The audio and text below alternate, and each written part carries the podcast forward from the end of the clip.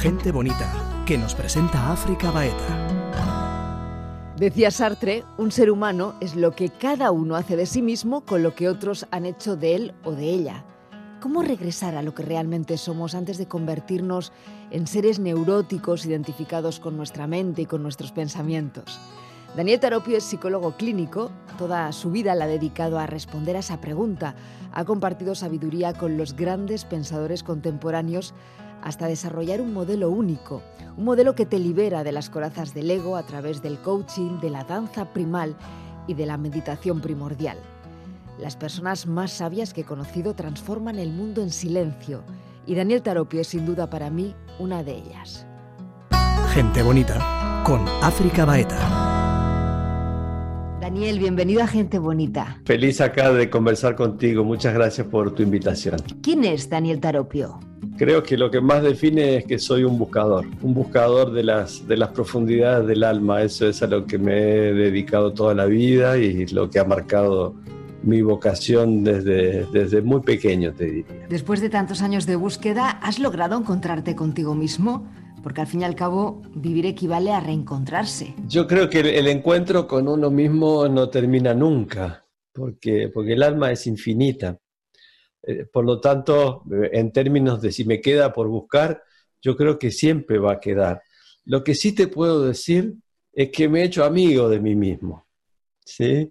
Yo me llevo bien conmigo mismo. Ya casi no tengo peleas con, entre mis deseos y mis pensamientos y mis sentimientos y mis emociones.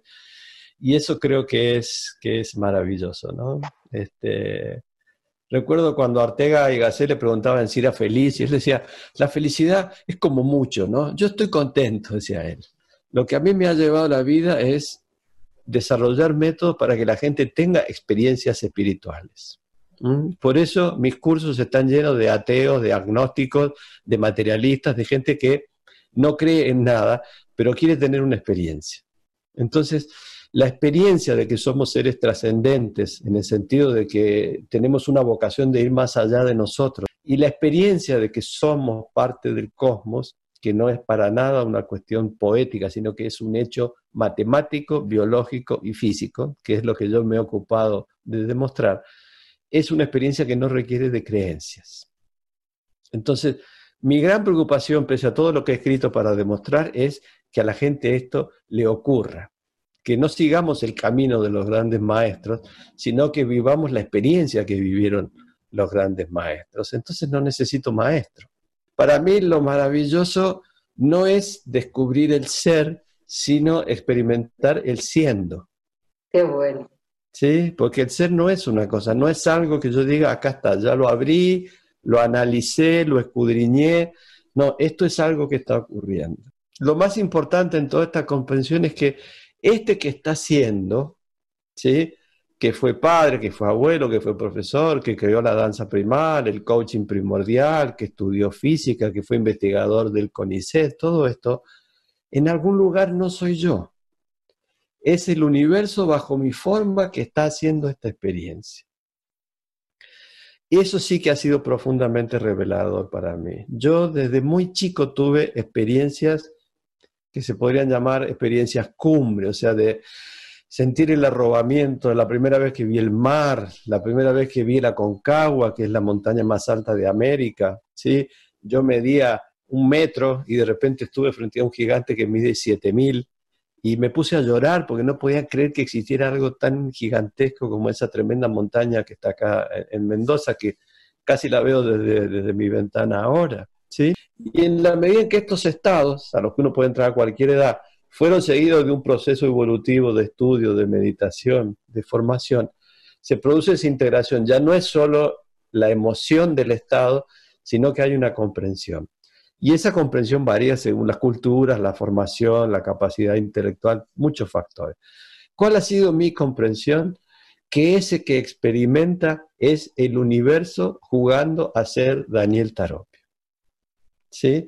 Y que ahora me mira con esos ojos jugando a ser África. Ese es el ser, es aquello que es todo y que se divierte adoptando todas las formas, colores, aromas, sabores que podemos experimentar en la vida. Es decir, Todo es uno, todo es aquello. Y mi obsesión en la vida es que la mayor cantidad de gente posible acceda a esta experiencia. ¿Sí? No, eh, repito, en términos religiosos, porque a mí no me importa si aquello que se manifiesta en todo esto se llama Jehová, se llama Dios, se llama Alá, se llama Brahma o se llama este, Ricky Martin, ¿sí? Me, da lo mismo, me da lo mismo. Cualquier nombre es absurdo al lado de aquello. Pero sentir que somos parte de eso cambia radicalmente la experiencia en este mundo. No te soluciona ningún problema. No se solucionan ni los problemas económicos, ni de pareja, ni familiares, ni políticos. Pero te cambia la mirada. Absolutamente te cambia la mirada, la perspectiva que tienes de los pequeños dramas que nos hacemos las personas. La sociedad, al fin y al cabo, eh, nos acaba convirtiendo en neuróticos porque terminamos identificándonos con ese personaje del que hay que desidentificarse para regresar a esa totalidad de la que hablas. Bueno, tuve grandes maestros para eso. ¿sí? La primer maestra que me dio, la primera hostia que me metió para, para que yo entendiera esto, ni siquiera sé cómo se llama porque la vi cinco minutos. Tenía yo, creo que 24 años y tuve la osadía de inscribirme en un Congreso Mundial de Psicología, ¿sí? Y mandar una ponencia, ¿no? Y por estas cosas del destino la aceptaron. Entonces, ahí fui yo con mis 24 años, recién certificado como psicólogo, a dar mi ponencia, ¿no? Y recuerdo que di una ponencia sobre, que era ya mi pasión, sobre Virgen Reich y la corporalidad en la terapia, de lo cual no sabía nada. Pero bueno, leí, copié bien y armé una conferencia. La di, no sé ni por qué había gente, porque había 50 conferencias simultáneas, era una cosa gigantesca. Este, me aplaudió mucho tiempo la gente, yo bajé orgulloso. Y baja, se me acerca una persona y me dice, me interesa mucho el tema, lo vine a escuchar porque soy terapeuta reichiana, ¿no? Y le voy a decir dos cosas. La primera es que la suya es la mejor conferencia que vi en todo el Congreso. Y la segunda es que es una pena que usted la dio para usted mismo. Creo que en ese momento fue así como un insight, porque me puse a pensar y realmente la había dado para mí mismo. ¿Sí? Era joven, tenía toda la energía del mundo, lleno de testosterona, y me estaba luciendo arriba del escenario. ¿no? Me puse a pensar después hasta qué punto me preocupaba si la gente me entendió, si le sirvió a alguien, si fue útil. Bueno, te cuento esto y se me pone la piel de gallina, ¿no? Porque fue un tremendo sopapo, diríamos, en Argentina. A partir de ahí dije, bueno, entonces, ¿en qué consiste esto de dar clases? Porque ya me había postulado para empezar a hacer la carrera docente en la universidad. Y empecé a preguntarme seriamente, si cada cosa que digo no le va a servir a alguien, mejor me callo. ¿No? Entonces, esa es la primera experiencia que recuerdo de, haberme dado cuenta de que me estaba creyendo un personaje. Quizá esa identificación con los personajes nos hace creer que, controlamos plenamente la vida. Y no controlamos nada. ¿sí? La meditación primordial, que es eh, el último libro este que va a aparecer ahora, que completa todos nuestros modelos. Nuestro modelo tiene tres grandes este, métodos, ¿no? un método corporal energético para trabajar la emocionalidad, un método lingüístico cognitivo para trabajar el lenguaje, la comprensión y un método meditativo para hacer silencio. Y este método consiste fundamentalmente en introducirnos tan profundamente en nuestro cuerpo, lejos de estas meditaciones que son para salirse del cuerpo y hacer viajes astrales, esto es al revés, es una meditación de interiorización tan profunda que uno pasa de sentir su cuerpo físico a sentir su cuerpo energético, la física cuántica lo ha demostrado, somos energía vibratoria, no, no solo materia, para luego empezar a sentir qué es esa presencia en mí que sostiene la vida. ¿Qué hay en mí que sabe digerir, que sabe absorber el oxígeno del ambiente, que sabe mantener el pulso cardíaco, distribuye el oxígeno por todas las células del cuerpo.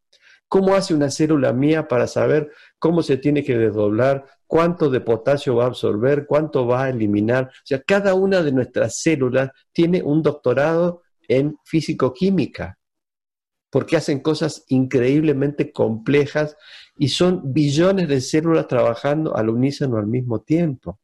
Los seres humanos no nos podemos poner de acuerdo, 50 diputados en una Cámara no se ponen de acuerdo y se supone que se les paga para eso.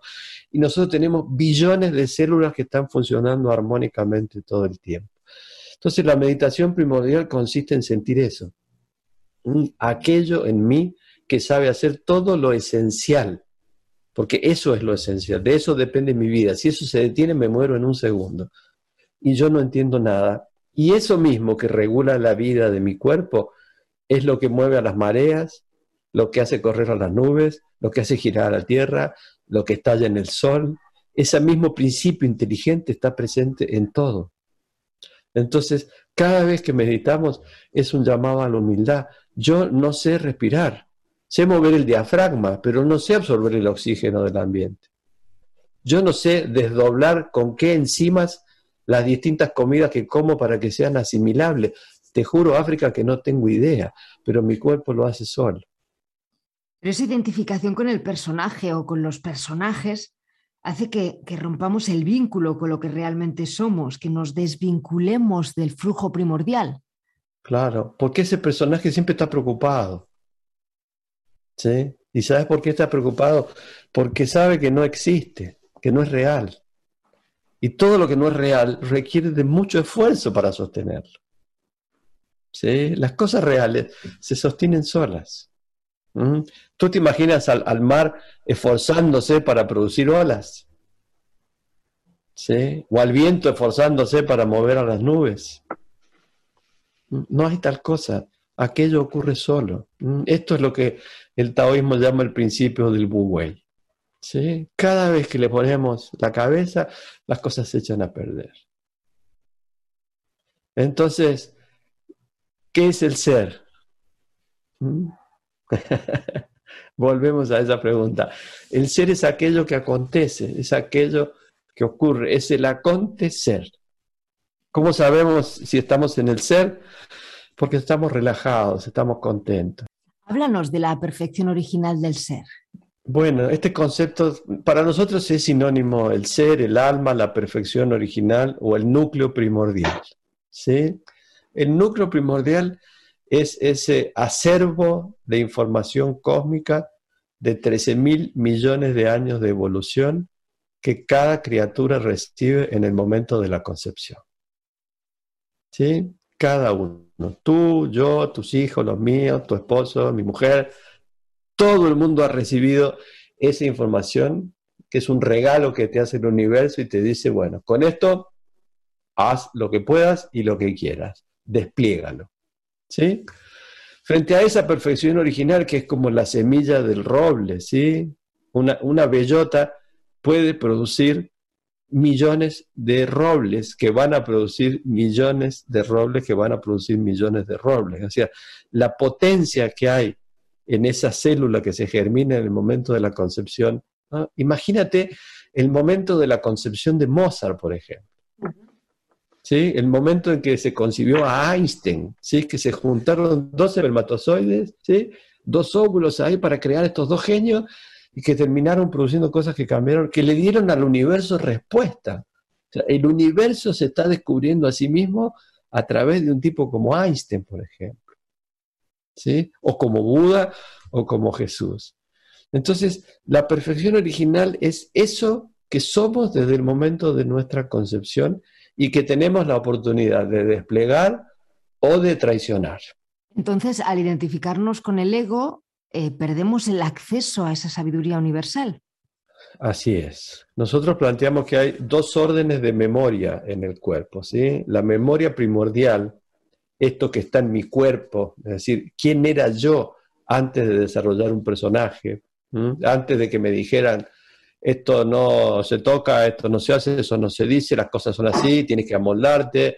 Y es como esta canción hermosa de, de, Serrat también, ¿no? Que nos van metiendo cómo se hacen las cosas, quiénes somos, en qué tenemos que creer, etcétera, etcétera. Entonces la pregunta es, ¿quién era yo antes de que me grabaran este software? ¿Mm? Entonces la perfección original es el hardware, es lo que yo traía originariamente.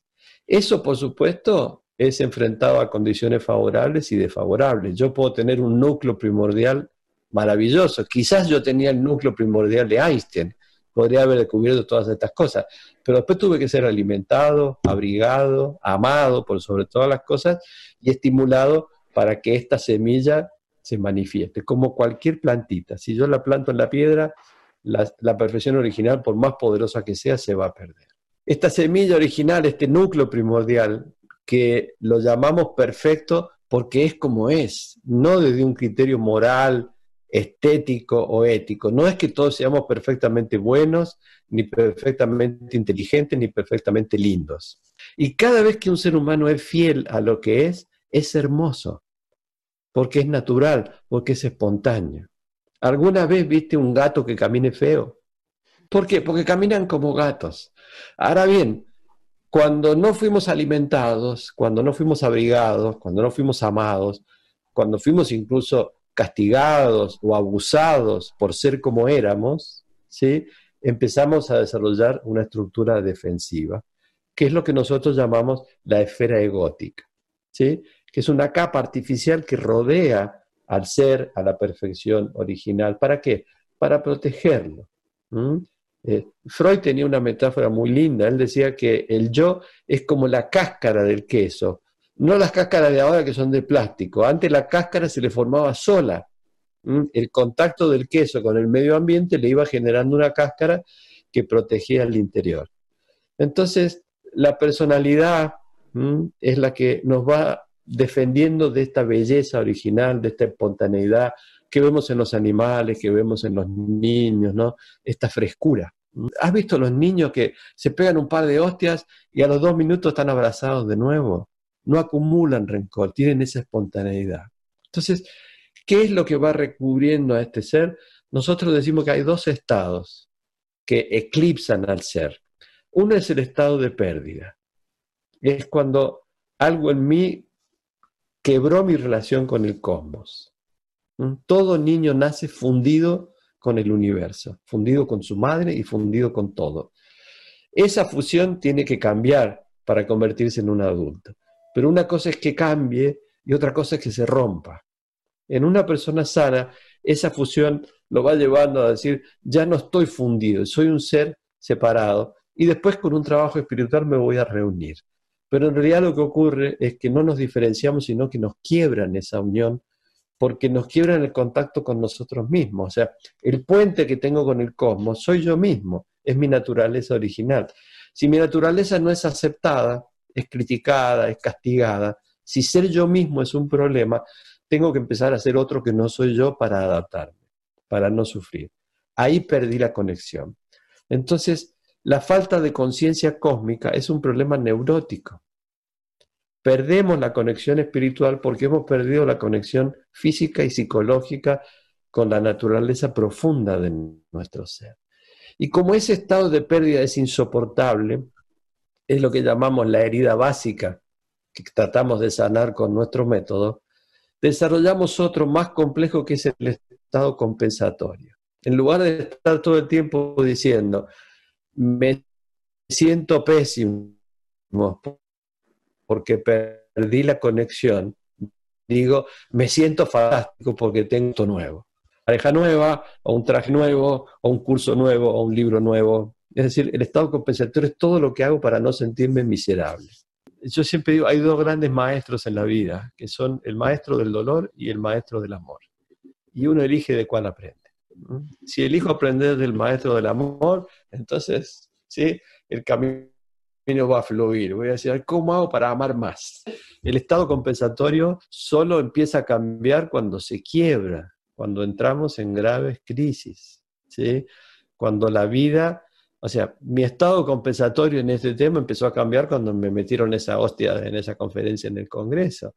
¿A quién le pegó esta señora? A mi estado compensatorio. Y en todo este proceso, ¿dónde queda el cuerpo? al que llaman la gran enciclopedia de nuestra vida, porque nos acabamos disociando de, nuestros sentires y de nuestras emociones. Es, es, la enciclopedia. Nosotros decimos que es el libro sagrado más cercano e incuestionable que tenemos. ¿sí? Todos los libros sagrados tienen exégesis, tienen libros apócrifos, se les han sacado partes, se les han agregado otras. Ya nadie sabe cuál es la Biblia original. ¿sí? O el Corán o los sutras. Pero este cuerpito, nadie puede discutirme que no lo hizo el universo. Este cuerpito viene directo ahí. Lo puedo echar a perder, después es otra cosa. Pero este cuerpo viene de la vida, no fue inventado, ni creado, ni transformado por ninguna persona. Me lo pueden echar a perder, ¿sí? Bueno, sí, obviamente hay culturas que echan a perder el cuerpo. Pero aún así, el cuerpo y toda la naturaleza es la obra divina manifestada directamente. Por eso es que el trabajo empieza por el cuerpo. Volver al cuerpo es el camino más directo para volver a esta perfección original. Porque en el cuerpo está la sabiduría primordial, están las emociones, está el sentimiento, está el amor. Importante regresar al cuerpo una y otra vez. ¿Es lo que le recomendarías a una persona que ahora mismo pueda estar atravesando una crisis? Empieza por respirar conscientemente. Esa es la llave maestra. Una vez que empezaste a respirar conscientemente, empieza a sentir qué te pide el cuerpo. Este, recibo una carta en inglés, me dice, yo soy gerente, no voy a nombrar la empresa ahora para cuidar su privacidad y eh, he pedido su dirección porque me han dicho que usted creó la danza primaria y le quiero contar mi experiencia. Eh, llego el otro día a mi oficina y me encuentro una carta que me dice eh, un nombre en coreano, diríjase a tal piso que hay una, una reunión especial. Bueno, bajo, apenas llego veo zapatos en la puerta y ya empiezo a asustarme, digo, ¿qué está pasando acá? Entro a la sala y veo a todos los demás gerentes sin corbata, sin saco, sentados en el piso, con una mujer rubia muy guapa que les está hablando en, un acento muy extraño. Era una profesora de danza primal que estaba allá en, este, en Asia. Este, y nos empieza a decir que va a poner música, que nos vamos a tener que mover. Yo digo, en esta empresa se han vuelto todos locos, ¿qué tiene que ver esto con mi rol de gerente? Pero bueno, si me mandaron, lo hago, a la media hora de hacer estos movimientos que me parecían tan raros, empiezo a llorar y a llorar y a llorar y hace dos días que no paro. Y quiero contarle que ahí me di cuenta que hacía dos años que había perdido a mi hija y nunca la había llorado. ¿Sí? Entonces, después de estos dos días llorando, sé que ahora no me voy a morir de un infarto. Que sí me hubiera pasado si yo hubiera seguido guardando este dolor que tenía adentro y seguir trabajando como una máquina. Eso es muchas veces porque la mente bloquea ¿no? nuestras emociones para que no suframos. No las podemos liberar a través del cuerpo, no entrando en contacto. Tú dices recién, la mente bloquea las emociones para que no suframos. ¿sí? Entonces, es así, ¿eh? Pues yo te digo esto, la neurosis es un sufrimiento permanente a cambio de un dolor momentáneo. ¿Sí? Porque es mejor llorar cuatro días una pérdida que pasarse sufriendo con el corazón bloqueado toda la vida. Sí, pero es, una imposición, una imposición social que durante mucho tiempo nos ha hecho reprimir nuestras emociones. No, no llores, no, no, nos han dejado fluir. Es así. No llores, no grites, no te enojes, este, no tengas experiencias espirituales porque te pueden internar en un psiquiátrico. ¿Y cómo descubres la danza primal, la capacidad del cuerpo para liberar todas esas emociones reprimidas, o escondidas en el inconsciente, en la sombra durante tantísimo tiempo? ¿Cómo descubres la danza primal?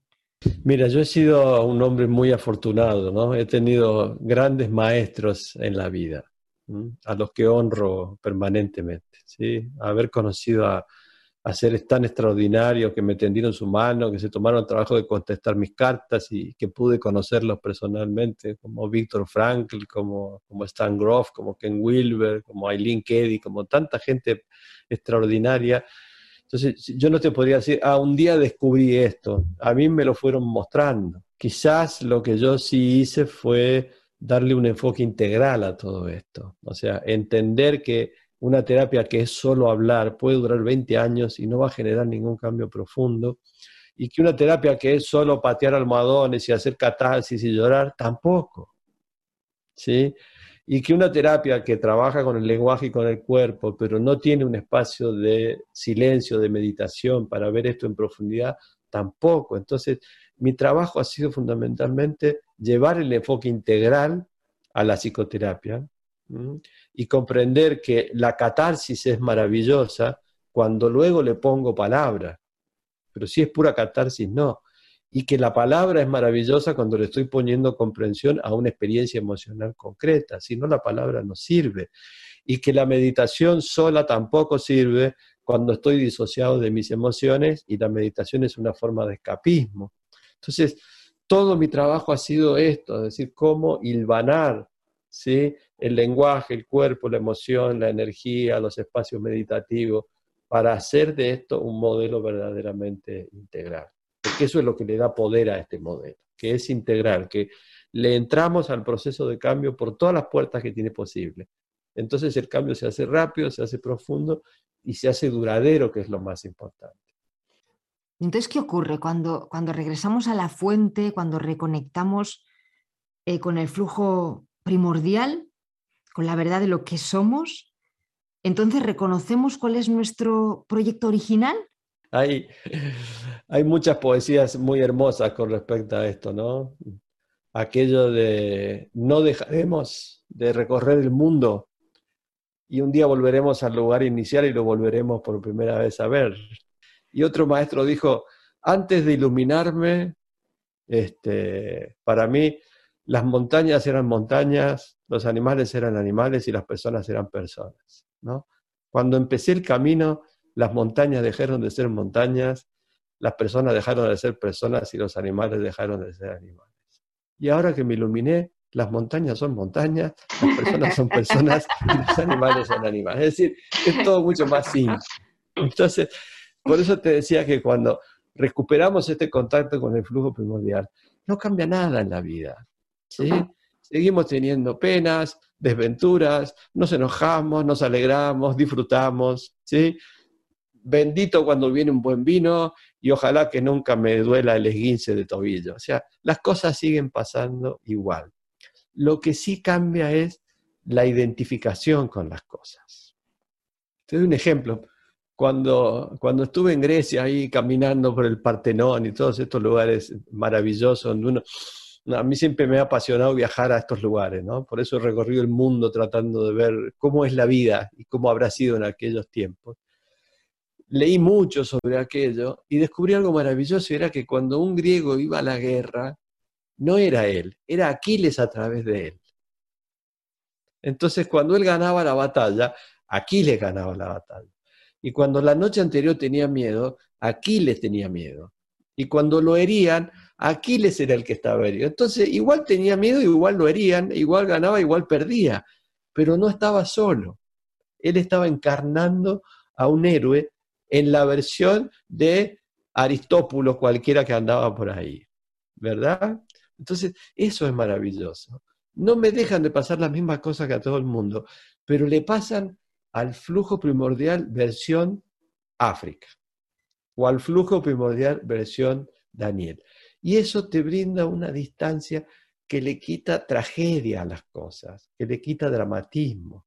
Entonces, no te dejan de pasar las cosas. O sea, vamos a envejecer, nos vamos a enfermar, nos van a traicionar muchas veces y nos vamos a morir igual que todo el mundo pero es muy distinto sentir que eso me pasa solo a mí porque soy un pobre desgraciado y la vida está en mi contra, a decir, esto es la vida, así juega el universo a conocerse a sí mismo.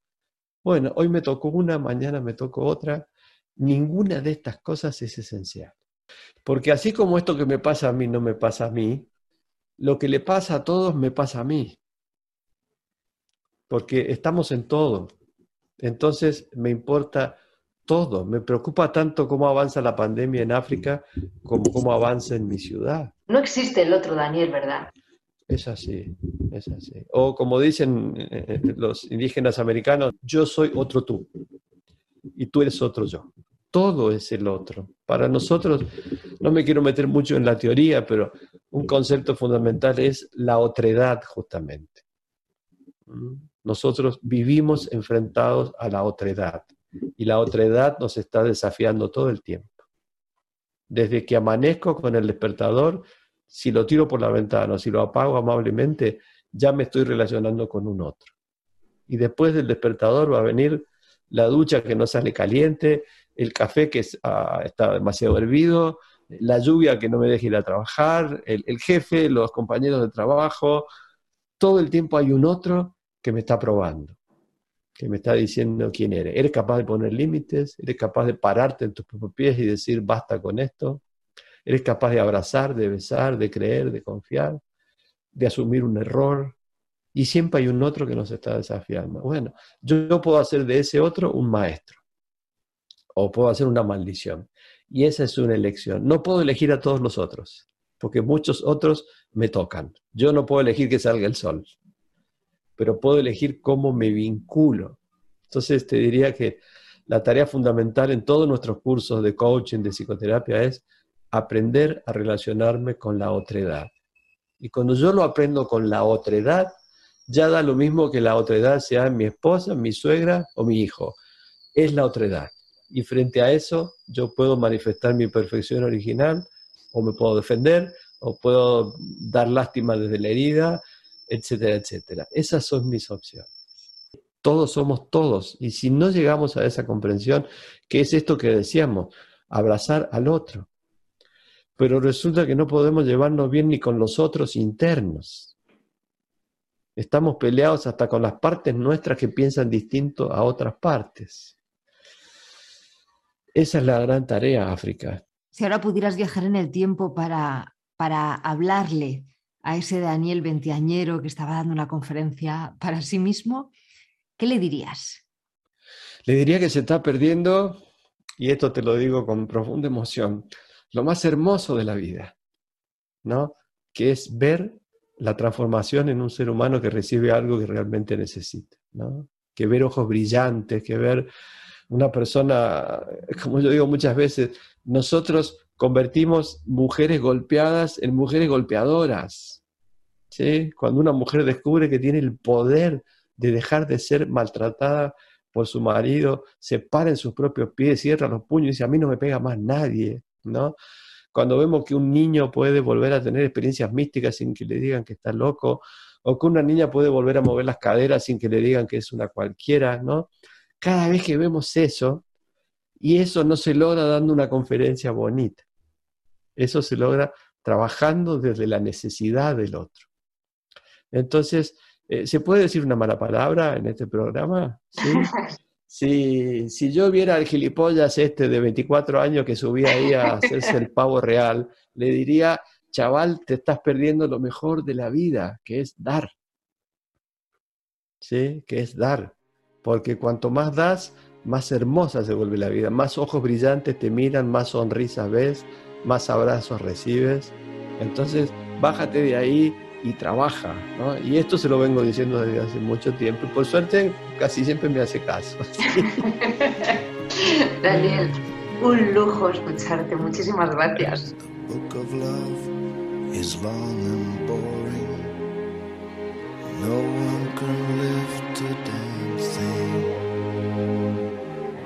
It's full of charts and facts and figures. And instructions for dancing. But I,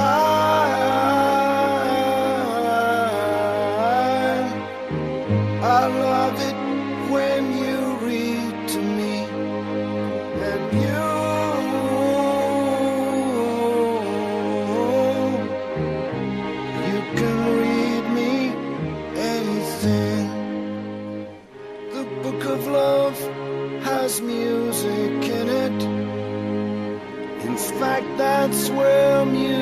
comes from. Some of it's just transcendental, some of it's just really dumb. But I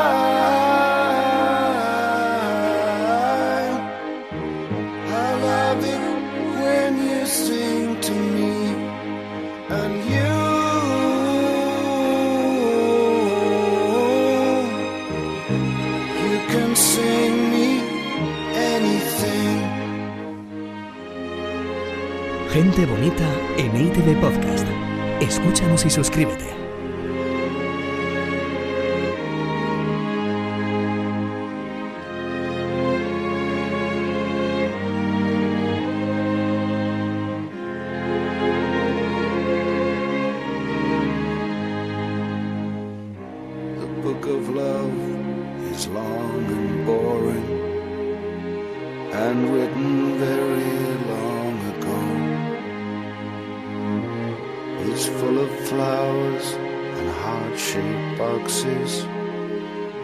Things we're all too young to know.